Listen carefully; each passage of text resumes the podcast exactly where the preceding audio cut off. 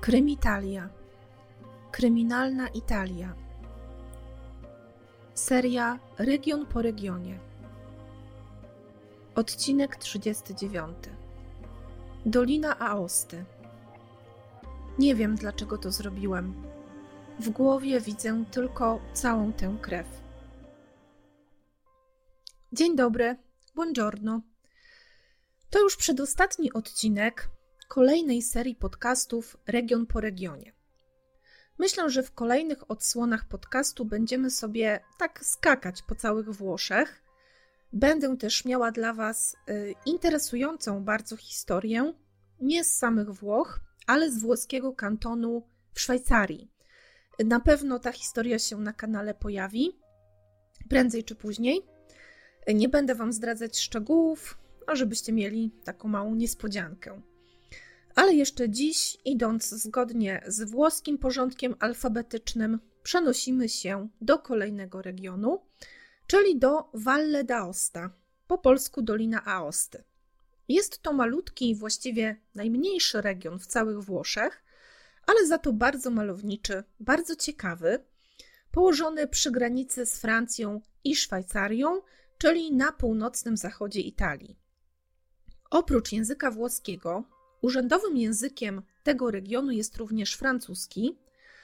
Są to również tereny najwyżej położone we Włoszech, to znaczy nad poziomem morza. Średnia wysokość sięga tam 951 metrów, czyli faktycznie dość wysoko, a przebiegający przez serce góry Mont Blanc tunel był przez lata najdłuższym tunelem na świecie. Być może pamiętacie odcinek właśnie o katastrofie w tym tunelu, a jeśli nie, to zachęcam Was do wysłuchania. Jednym z najpyszniejszych i chyba najbardziej znanych przysmaków charakterystycznych dla Doliny Aosty jest gorące serowe fondue, które oczywiście nie jest typowo włoskie, bo ma szwajcarskie korzenie, ale tu jest też bardzo popularne. Niektórych być może skusi z kolei civet di camoscio, jest to danie z dziczyzny serwowane z polentą lub z ziemniakami w bardzo waldostańskim stylu, które można połączyć również ze słynnymi w regionie winami, takimi jak Donnas lub Torrette Superiore. Powiem Wam szczerze, że było mi bardzo ciężko wybrać historię do dzisiejszego odcinka. Być może dlatego, że Dolina Aosty jest naprawdę niewielkim regionem. I z takich spraw kryminalnych na szczęście mało się tam dzieje, ale naprawdę, tak jak zazwyczaj, e, nie mam właściwie żadnego problemu ze znalezieniem jakiejś ciekawej, czy nawet nieciekawej, ale po prostu takiej historii e, z takim właśnie wątkiem kryminalnym. E, nie mam z tym problemu w żadnym innym regionie, natomiast tutaj faktycznie dużo czasu spędziłam na takim poszukiwaniu i tak naprawdę chyba najbardziej słynną, znaną sprawą y, z tych okolic jest sprawa, mm, która była już poruszona na moim kanale w serii Krymitalia Extra. Nie wiem, czy pamiętacie Samuele Lorenzi, który został zamordowany i oto właśnie morderstwo została oskarżona jego mama Anna Maria Franzoni. Y, także jeśli nie słuchaliście, to zachęcam Was do odsłuchania. I to jest właśnie taka sprawa, która gdzieś tam przy researchu w wyszukiwarce wyskakuje od razu, jest na pierwszym planie. Y, jest oczywiście sporo spraw, natomiast każda z nich jest niestety bardzo mało obfitująca w szczegóły. I ja, jak wiecie, raczej wolę wybierać sprawy, w których jednak jest trochę tych informacji, bo uważam, że to jest bardzo ważne, żeby poznać jakieś obyczaje y, osoby, której cała historia dotyczy, jej historię rodzinną, może oczywiście bez jakiegoś wielkiego wchodzenia w szczegóły, ale taką ogólną, taki obraz po prostu tej, tej osoby. Natomiast niestety tutaj było tego bardzo mało. I również sprawa, którą w końcu w wielkich bólach udało mi się wybrać, też nie będzie niestety bardzo szczegółowa. Ta dzisiejsza historia, y, ale myślę, że z kilku względów jest ona warta opowiedzenia. Odcinek nie będzie niestety też z tego powodu, że nie ma dużo informacji, nie będzie bardzo długi. Mm, tak więc wybaczcie mi, postaram się następnym razem nagrać coś dużo dłuższego. Być może on ostatni region czymś mnie zaskoczy i was. Natomiast ta dzisiejsza sprawa faktycznie będzie dość krótka, ale myślę, że też jest interesująca i tak jak chyba wszystkie sprawy, jest warta opowiedzenia. A bohaterką tej dzisiejszej opowieści jest kobieta, która nazywa się Elena Raluka Serban. Ona w 2021 roku, bo jest to sprawa bardzo świeża, raptem właśnie sprzed dwóch lat, ma wtedy ona 32 lata i w ogóle z pochodzenia jest Rumunką, y, ale tak jak wielu jej rodaków, y, wiele lat wcześniej już przeniosła się z mamą i z siostrą do Włoch. No i to właśnie Włochy stały się jej drugą ojczyzną, drugim domem. Y, wcześniej ona ze swoją mamą Marianą i siostrą Aleksandrą mieszkała w Toskanii, konkretnie w Lukce, ale właśnie w końcu ta Dolina Aosta, konkretnie miasto Aosta, stała się takim kolejnym miejscem jej pobytu. Bo Elena właśnie bardzo często podróżuje, zmienia swoje miejsce zamieszkania, tak w obrębie Włoch, ale też za granicą. Za chwilę Wam wyjaśnię, z czego to wynikało. E, więc Elena w kwietniu 2021 roku mieszka już w Aoście, jest to bardzo świeża sprawa, bo ona tam mieszka raptem od około trzech tygodni i tam wynajmuje mieszkanie. 18 kwietnia zaniepokojona siostra dziewczyny, która jak wspomniałam ma na imię Aleksandra, postanawia zadzwonić na policję. Ale dlaczego? Skąd taka, skąd taka decyzja? Ano stąd, że z Eleną nie ma już kontaktu od ponad 24 godzin. Jej siostra nie odbiera telefonu, nie odpowiada na żadne SMS-y i wiadomości e, w tych tam różnych komunikatorach e, czy na mediach społecznościowych. No i jest to do niej zupełnie niepodobne. Siostry miały ze sobą bardzo dobry kontakt i potrafiły nawet dzwonić do siebie czy wysyłać wiadomości po kilkanaście, jeśli nie kilkadziesiąt razy dziennie. Więc zdecydowanie taki brak totalny kontaktu jest czymś bardzo, bardzo nietypowym, no i w konsekwencji oczywiście niepokojącym. E, Aleksandra mm, jest cały czas, mieszka w tej, w tej lukce, o której wspomniałam wcześniej, w Toskanii. Ona tam pracuje w takim barze w, w samym centrum miasta. E, natomiast ich mama Mariana e, mieszka niedaleko Lucki, w, dokładniej w miejscowości Sant'Angelo in Campo. One gdzieś tam, te, ta mama z siostrą zawsze tam w tych rejonach się właśnie obracały. Tam dziewczyny też mieszkały z tą mamą przez chwilę w tej właśnie miejscowości, potem mieszkały w Lukce same, ale gdzieś tam mama z siostrą y, właśnie w Toskanii zostały. Y, niestety ani Mariana, ani Aleksandra nie spodziewają się tragedii, jaką zastaną na miejscu w Aoście w domu Eleny.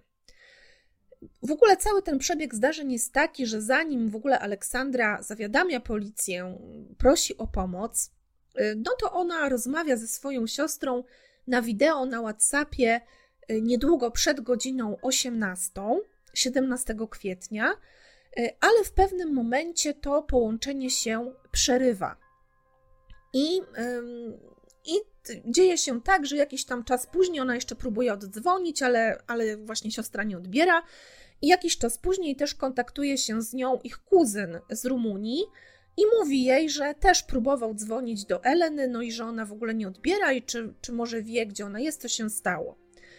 W tym momencie Aleksandra nie jest jeszcze może jakoś szczególnie przerażona, ale tak jak wspomniałam, jest już dość mocno zaniepokojona. E, no i to też, to wiecie, taki mechanizm, że dopiero przecież rozmawiały, więc dlaczego nagle po kilku, kilkunastu minutach e, ta siostra nie odbiera, co się w ogóle dzieje? E, I Mariana, i Aleksandra wielokrotnie, no i niestety bezskutecznie próbują skontaktować się z Eleną. No i w końcu, kiedy im się to nie udaje, postanawiają osobiście wybrać się do mieszkania dziewczyny, do Aosty.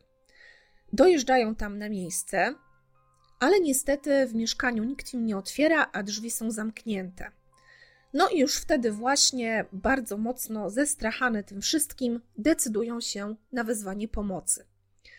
Y, policjanci od razu odbierają to wezwanie, tam w żadnym razie nie lekceważą y, obu kobiet i przyjeżdżają na miejsce do tego nowo wynajętego przez Elenę mieszkania. Ono się znajdowało na pierwszym piętrze.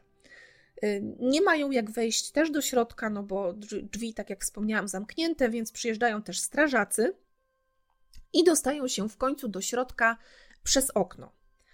No i niestety tam znajdują Elenę w łazience. Ona leży na podłodze w kałuży krwi. Jej głowa jest, mm, znajduje się na tym małym dywaniku takim łazienkowym. Ona sama jest w samej bieliźnie, natomiast na jej szyi widnieje taka paskudna, długa, głęboka rana. Prawdopodobnie od noża czy jakiegoś innego y, narzędzia z takim ostrzem tnącym. Tego narzędzia, narzędzia zbrodni y, nigdzie jednak na miejscu nie ma. Tak po pierwszych oględzinach no nie wydaje się, żeby coś tam było. Co prawda w prasie pojawia się od razu tam w artykułach taka informacja, że tak, że policja znalazła y, narzędzie zbrodni, nóż, ale później ta informacja została w kolejnych artykułach zdementowana, że to była tylko jakaś plotka. Więc tego narzędzia tam nigdzie nie ma. Wszędzie oczywiście jest dużo krwi, zwłaszcza w łazience ale też na przykład w pokoju dziennym jest sporo tych śladów. Y, podobnie w sypialni, tam głównie na poduszce i na zasłonie, na oknie. Y, na samym ciele, na pierwszy rzut oka, nie ma takich widocznych oznak przemocy. Y, wiecie już pewnie z tych wszystkich spraw kryminalnych, że czasami to od razu widać, że na przykład ofiara walczyła, że są jakieś siniaki, są zadrapania, są przeróżne rany. Tutaj czegoś takiego nie ma. A takie wstępne oględziny lekarskie wykazują, że do śmierci mogło dojść dzień wcześniej, 17 kwietnia, prawdopodobnie po południu. Na początku jest też brana pod uwagę hipoteza o samobójstwie. No, ale wydaje się bardzo wątpliwe, jeśli nie w ogóle niemożliwe, żeby kobieta sama sobie zadała śmierć w tak nietypowy sposób. To już wspominaliśmy o tym też kilka razy że kobiety raczej wybierają inne sposoby śmierci, czy zadawania komuś śmierci, czy, czy właśnie sam, samej sobie, że to jest raczej trucizna, raczej takie bardziej y, bezkrwawe sposoby. No, poza tym, jeszcze oprócz tego, że, że można sobie tutaj dywagować, że kobieta prawdopodobnie w ten sposób by się nie zamordowała, chociaż to też jest oczywiście różnie, no ale głównym takim jakby argumentem przeciw temu, że to było samobójstwo, jest to, że jak się okazuje, z domu Eleny zginęły pieniądze. I to wcale nie mała suma, bo tam później się okaże, że to było około 8 tysięcy euro w gotówce, a także inne cenne przedmioty. Y, chociaż też ofiara w ogóle została znaleziona y, też z biżuterią na sobie. Ona miała w jednym uchu kolczyk Swarowskiego, a na dłoni miała bransoletkę z białego złota ze szmaragdami. No niemniej jednak gotówka i jakieś tam cenne przedmioty też zniknęły. Y, tak więc z tych wszystkich powodów dość szybko śledztwo zaczyna być prowadzone oczywiście w kierunku zabójstwa.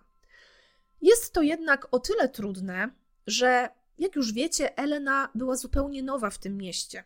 Nie miała tu żadnej rodziny, nie miała żadnych bliskich znajomych, być może jakichś dalszych znajomych miała, ale na pewno nikogo takiego, y, kogo by dobrze znała, z kim by się bardzo często, regularnie spotykała. W każdym razie siostra i mama nic o tym nie wiedzą. Aleksandra też od razu zeznaje, że, że Elena przyjechała tutaj właśnie do Aosty z powodu swojej pracy. No więc kto mógł chcieć jej śmierci? A może właśnie była to śmierć zupełnie przypadkowa, jakiś nieszczęśliwy wypadek, może nieudany rabunek. Zaczyna się też powoli takie kopanie w życiu prywatnym zamordowanej dziewczyny. Wiecie, jak, jaka jest ta rutyna. Już pewnie po tylu wysłuchanych podcastach i przeczytanych historiach wszyscy wiemy, że tak to zazwyczaj jest. Że na początku, kiedy nie ma jakichś żadnych wyraźnych śladów czy tropów, no to przede wszystkim prześwietla się życie tej zamordowanej osoby. No bo to właśnie tam powinna znajdować się jakakolwiek wskazówka, co do tego, kto mógł życzyć tej osobie aż tak bardzo źle. No więc tutaj robią y, policjanci to samo. Y, oprócz tego też zabezpieczają od razu nagrania z kamer monitoringu wokół domu dziewczyny. To jest też błogosławiona rzecz, ten monitoring, chociaż różnie pewnie też można na to patrzeć. Niektórzy się czują śledzeni za bardzo, ale mnie się wydaje, że dla bezpieczeństwa to jest naprawdę świetna rzecz, że są te, te kamery monitoringu. I ciekawa jestem statystyk. Ile morderstw na przykład udało się rozwiązać, ile sprawców złapać właśnie dzięki takim nagraniom. Policjanci też od razu oczywiście przesłuchują najbliższych sąsiadów y, Eleny, no ale niestety tutaj nic y, ciekawego, nic wiążącego się nie pojawia. Właściwie to każdy mówi, że wszystko było tak jak zwykle, nikt nie słyszał nic podejrzanego, nikt nic nie widział. Więc z tych zeznań niewiele wynika. No ale właśnie między innymi te nagrania z monitoringu naprowadzają śledczych na pewien ślad a właściwie na trop pewnego mężczyznę. Y, na tych nagraniach nie widać go może zbyt wyraźnie, y, bo ma on maseczkę na twarzy, ale widać, że kręci się gdzieś tam wokół tego domu Eleny i to właśnie w czasie, który odpowiadał jej śmierci, tej godzinie tam wyliczonej, y, ustalonej przez lekarzy sądowych. Widać również na tym nagraniu, że on w pewnym momencie wychodzi z tego budynku, w którym mieszkała ofiara, i że ma na ramieniu sportową torbę. I z pewnością tej torby nie miał przy sobie, nie miał ze sobą przed wejściem do budynku. No i tam różnymi metodami policjanci typują, że tym mężczyzną może być 36-letni Gabriel Falloni, który też od niedawna przebywa w tym mieście, w Aoście, natomiast z pochodzenia jest Sardyńczykiem y, i z zawodu pracownikiem budowlanym. Mm, to, co jeszcze ich naprowadza na, na jakby też utwierdza ich w przekonaniu, że to może być on, y, to jest kurtka puchowa, y, która, którą widać dobrze na tych nagraniach. I ta kurtka jest identyczna właśnie z tą należącą do mężczyzny. Oni to po zatrzymaniu go oczywiście sprawdzają, ale też łatwo jest się o tym przekonać, ponieważ ten Gabriel, ten, ten właśnie mężczyzna, sam zamieszcza takie zdjęcie właśnie na Facebooku w tej konkretnej kurtce na dzień przed śmiercią Eleny. Czyli można to porównać po prostu z Facebookiem. Widać, że to jest ta sama kurtka, w której kręci się tam pod jej domem ten mężczyzna z nagrań. Y, śledczy oczywiście też biorą na tapet jego telefon komórkowy. No to jest też chyba pierwsza rzecz, którą się policja zajmuje w takich sprawach, czyli wszystkie właśnie tablety, komórki, komputery i tak dalej. No i tutaj już widać czarno na białym po billingach, że on z tego telefonu dzwonił na numer Eleny aż dwa razy. I to właśnie w dzień jej śmierci. Bardzo szybko też wychodzi na jaw, kiedy tam policja, jak to się mówi, wrzuca go na bęben, że on już ma na swoim koncie kłopoty z prawem i to takie kłopoty dość, powiedziałabym, ciężkiego kalibru. A mianowicie w 2014 roku został skazany przez sąd w Cagliari na Sardynii prawomocnym wyrokiem na 4 lata więzienia za to, że zwabił 21-letnią dziewczynę do jakiegoś opuszczonego domu pod pretekstem zaoferowania jej pracy, a następnie ją tam zgwałcił. Ale to jednak nie wszystko, ponieważ rok wcześniej, w 2013, też go aresztowano za próbę tym razem gwałtu, a w 2012 z kolei dwie prostytutki oskarżyły go o pobicie i kradzież, za co również został skazany. No i to właśnie prawdopodobnie z uwagi na te wszystkie przestępstwa i te swoje kłopoty z wymiarem sprawiedliwości, po tym jak wyszedł z więzienia na Sardynii, Gabriel postanowił przenieść się na północ, czyli wiele kilometrów od swojego miejsca zamieszkania, do Doliny Aosty, być może właśnie po to, żeby znaleźć takie miejsce, w którym nikt nie będzie go znał, w którym ta przeszłość nie będzie się za nim ciągnąć. Nie wiadomo z jakich to było pobudek, czy on chciał się na przykład zmienić, zmienić całkowicie swoje życie, zacząć e, z czystą kartą od nowa, czy na przykład szukał miejsca, e, w którym mógłby kontynuować swój e, no, niecny proceder. Co dalej? Policja przepatruje też oczywiście jego profile w mediach społecznościowych. On na Facebooku figuruje w ogóle jako Gabi Neno, tak się tam podpisuje. A w jednym z jego postów, taka ciekawostka, widnieje taki cytat: Staram się żyć, szanując bliźniego, ale nie zawsze wychodzi mi to na dobre. Natomiast o, ostatnia aktywność zarejestrowana na jego profilu y, datuje się na 17 kwietnia około godziny 22, a więc według ustaleń śledczych na kilka godzin po śmierci Eleny. I co robi wtedy Gabriel? No, on zmienia wtedy swoje zdjęcie profilowe, to znaczy usuwa z Facebooka fotografię swojej twarzy, tam gdzie było go widać, a wstawia inne zdjęcie i jest to wizerunek małego białego pieska. Funkcjonariusze śledzą też jego telefon y, i z logowań tego telefonu wynika, że on najpierw się logował y, po już właśnie po zabójstwie, po morderstwie Eleny w Genui, później z kolei w Turynie, no więc tam kilka regionów przejechał i ostatecznie wrócił do Aosty. Może właśnie było to tak, że Gabriel po tym, jak zamordował kobietę, y, no, rzucił się do ucieczki, tak najzwyczajniej w świecie, czyli sobie mm, uciekł do tej Genui, później tam gdzieś w Piemoncie, a może w pewnym momencie poczuł się już na tyle bezpiecznie, że na przykład nie sądził, że ktokolwiek wpadnie na jego trop, no i postanowił wrócić do Aosty, zrezygnował po prostu z tego uciekania. Tak więc, jak widzicie, tutaj wskazówek trochę jest, ale nadal pozostaje ustalenie bardzo wielu kwestii, chociażby na przykład motywu zbrodni. Dlaczego Gabriel miałby w ogóle zabijać Elenę? Czy oni się znali? Czy coś ich łączyło? Oboje byli nowi w tym mieście, więc jak to się stało, że właśnie on miałby pozbawiać Elenę życia? Ostatnią osobą, jaka widziała kobietę żywą, była sąsiadka. I było to około godziny 11 rano 17 kwietnia. Y, później jeszcze, jak wiecie, Elena rozmawiała ze swoją siostrą. Mm, później to połączenie właśnie się urwało, już później cisza. Y, I po 18 były te dwa telefony właśnie od Gabriela. Na drzwiach od mieszkania kobiety nie znaleziono żadnych ewidentnych śladów włamania, no a to mogło oczywiście świadczyć o tym, że Elena sama wpuściła y, swojego przyszłego oprawcę do środka, że otworzyła mu drzwi. Z mieszkania też, jak już wiecie, zniknęła spora suma pieniędzy i kilka rzeczy takich też dość, y, dość drogich, y, takich przedmiotów osobistych należących do właśnie dziewczyny. Ja nie wiem, co to było, czy to była biżuteria, czy coś innego, nie było to nigdzie podane.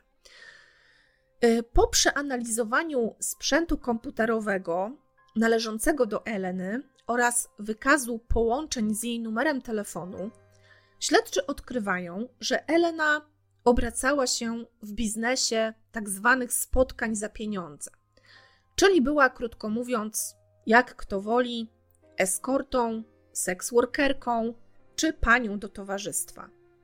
Pewnie też można powiedzieć prostytutką, chociaż jakoś to słowo mi, e, no nie lubię tego słowa, nie wiem czemu, jakieś takie ma dla mnie dziwne konotacje. No ale tak się mówi. W każdym razie wiecie o co chodzi.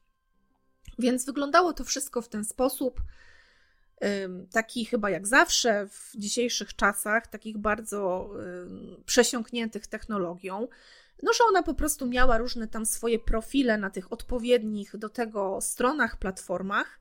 Tam był jej numer telefonu, na pewno jakieś zdjęcia oczywiście odpowiednie. No i ona tam właśnie przez te portale umawiała się z mężczyznami na seks lub na innego rodzaju spotkania, no i w ten właśnie sposób zarabiała pieniądze. Y, to właśnie też dzięki temu śledczy odkryli, że te dwie ostatnie rozmowy na komórkę Eleny wykonano też właśnie z tego telefonu należącego do Gabriela. I tutaj też rozwiązuje się trochę ta zagadka, dlaczego ona tak często zmieniała miejsca zamieszkania, no właśnie dlatego, że chciała szukać nowych klientów. I ta Dolina Aosty była takim kolejnym przystankiem w całej tej jej seks karierze. Zresztą sama Aleksandra, nie wiem czy ona wiedziała o tym, w jaki sposób jej siostra zarabia. Podejrzewam, że tak, ale, ale nie jestem tego pewna. W każdym razie ona sama przecież powiedziała funkcjonariuszom na samym początku, że właśnie Elena przyjechała do Aosty z powodu pracy. I nie wiem, czy wtedy im wyjaśniła konkretnie, co to jest za praca, czy po prostu tak ogólnikowo to, to powiedziała. Y, więc tak to było, że, że Elena jeździła i po Włoszech, i też za granicę, i szukała sobie klientów. Według, po tym już jak Gabriel zostaje zatrzymany, po tych wszystkich właśnie wskazówkach, które jakoś tam prowadzą wspólnie wszystkie do niego, no to strona oskarżająca rekonstruuje jakby ten przebieg wydarzeń z 17 kwietnia 2021 roku.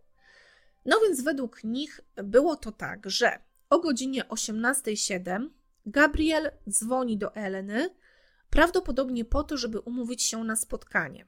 Oczywiście ten jej numer mógł znaleźć y, na jednym z jej profili ty na tych portalach przeznaczonych do seks randek.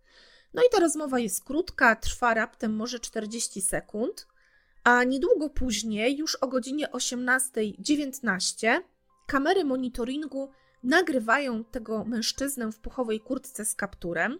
Na nagraniu widać, że on zbliża się do drzwi wejściowych budynku, w którym mieszka Elena. Tutaj też wykonuje kolejny króciutki telefon, też na jej numer, i wchodzi do środka. Mija 37 minut, podczas których nie dzieje się na tym nagraniu nic. On wtedy jest właśnie u, u Eleny w mieszkaniu. No i prawdopodobnie podczas tego ich spotkania wybucha jakaś kłótnia, wskutek której on zabija dziewczynę. Następnie stara się jakoś tam zatrzeć za sobą ślady, wyczyścić to miejsce zbrodni. Zabiera też z szafy Eleny sportową torbę, wkłada do niej nóż, który posłużył mu do zadania jej tej rany w gardło, wkłada tam skradzione pieniądze, przedmioty, a także telefon i tablet Eleny i wychodzi. I na nagraniu właśnie widać, że on wychodzi z tą torbą na ramieniu, że wcześniej jej nie miał. Śledczy spekulują, że właśnie być może chodziło głównie o rabunek tutaj. Elena w momencie odnalezienia ciała miała na sobie, jak może pamiętacie, bo o tym wspomniałam, tylko bieliznę. Natomiast podczas autopsji nie stwierdzono żadnych oznak przemocy seksualnej. Stąd właśnie takie spekulacje, że może od samego początku Gabriel planował przede wszystkim okraść dziewczynę. Może sądził, że zarabia ona bardzo duże pieniądze na tych swoich spotkaniach. Ale czy chciał ją zabijać, czy doszło do tego tak w cudzysłowie na gorąco w wyniku nieprzewidzianych przez niego wcześniej okoliczności, to dopiero trzeba oczywiście ustalić. W maju, już po aresztowaniu, Gabriel składa obszerne zeznania. On na początku tam wykorzystał ten, y, ten przepis, mm, to jest coś tam, że odmawia, odmówił składania zeznań, ale później już tam właśnie w maju, miesiąc po, po zabójstwie Eleny, on te zeznania złożył już właśnie w areszcie.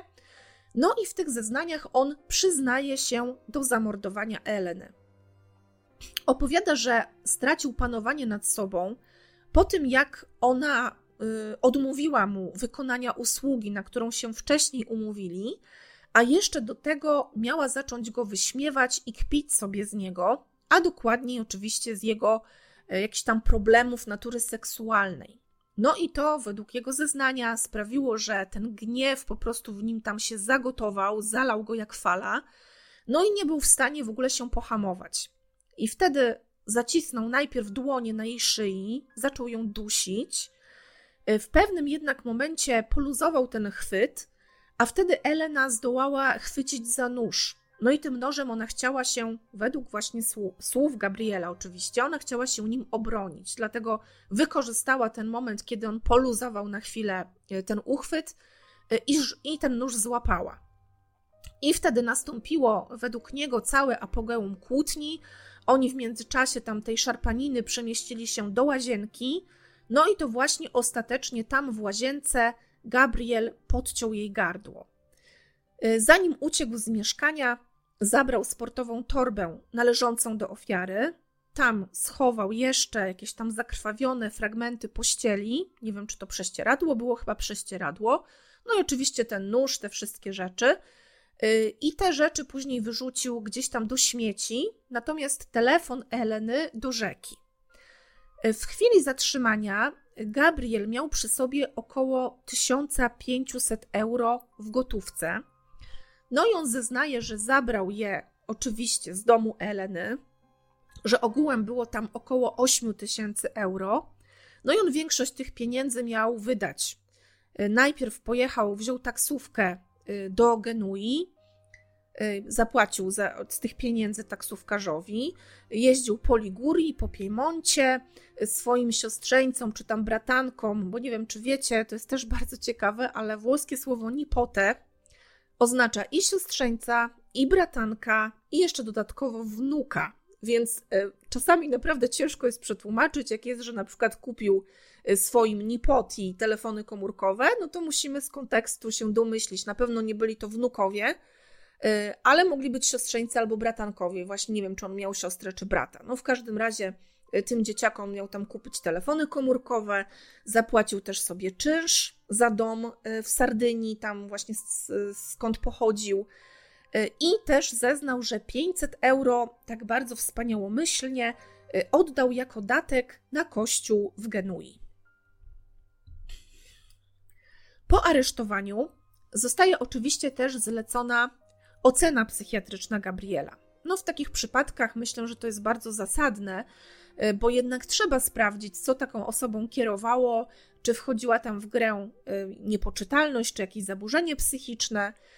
E, niestety niewiele można znaleźć w sieci informacji na temat tej ekspertyzy, no ale przytoczę Wam te najważniejsze urywki, czy tam te no, krótkie urywki, które, które gdzieś tam mi się udało znaleźć. I to jest tak. Psychiatra Mercedes Zambella Uważa, że Gabriel Falloni cierpi na zaburzenia psychiczne, które można zakwalifikować jako antyspołeczne zaburzenia osobowości, które jednak nie są w stanie zakłócić jego zdolności umysłowych i dlatego należy go uznać za osobę całkowicie poczytalną w chwili zaistnienia faktów. Ponadto rekonstrukcja kolejnych kroków oskarżonego czyli zadawanie ran ofierze, wcześniej duszenie, później ukrycie tej, tego narzędzia zbrodni, przywłaszczenie sobie przedmiotów i pieniędzy z domu ofiary, nie pozwala na ich umieszczenie w kontekście jakiegoś niekontrolowania przez niego emocji czy utraty umiejętności oceny rzeczywistości. Zachowanie w dniach następujących po fakcie, jeszcze przed zatrzymaniem, też nie wydaje się jakieś szczególnie chaotyczne i nieuporządkowane, jak można by się spodziewać w przypadku postępującej psychopatologii, ale raczej jest to zachowanie nastawione na samoobronę, czyli takie na chronienie siebie przed konsekwencjami swojego czynu i na takie właśnie zrzucenie z siebie odpowiedzialności za to, co się stało.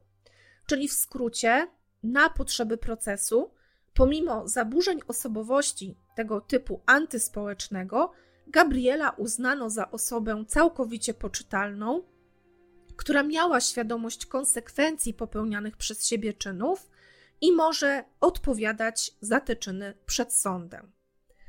Podczas procesu, który zakończył się raptem kilka miesięcy temu, chyba w lipcu czy w, czy w czerwcu, główna linia obrony Gabriela polegała przede wszystkim na tym, że opowiadał on, że został sprowokowany do ataku przez Elenę, która miała się z niego wyśmiewać.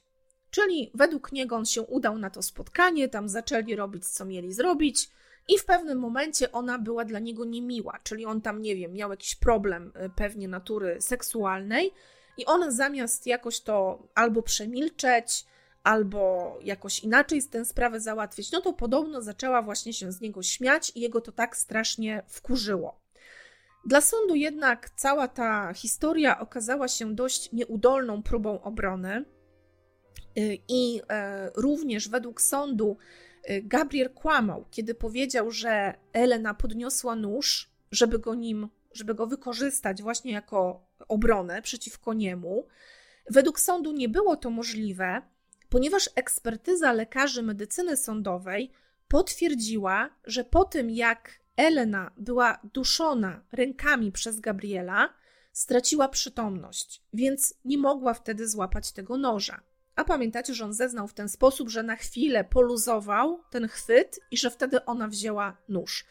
No jednak opinia lekarzy mówi co innego. Była nieprzytomna, więc nie była w stanie nic wziąć.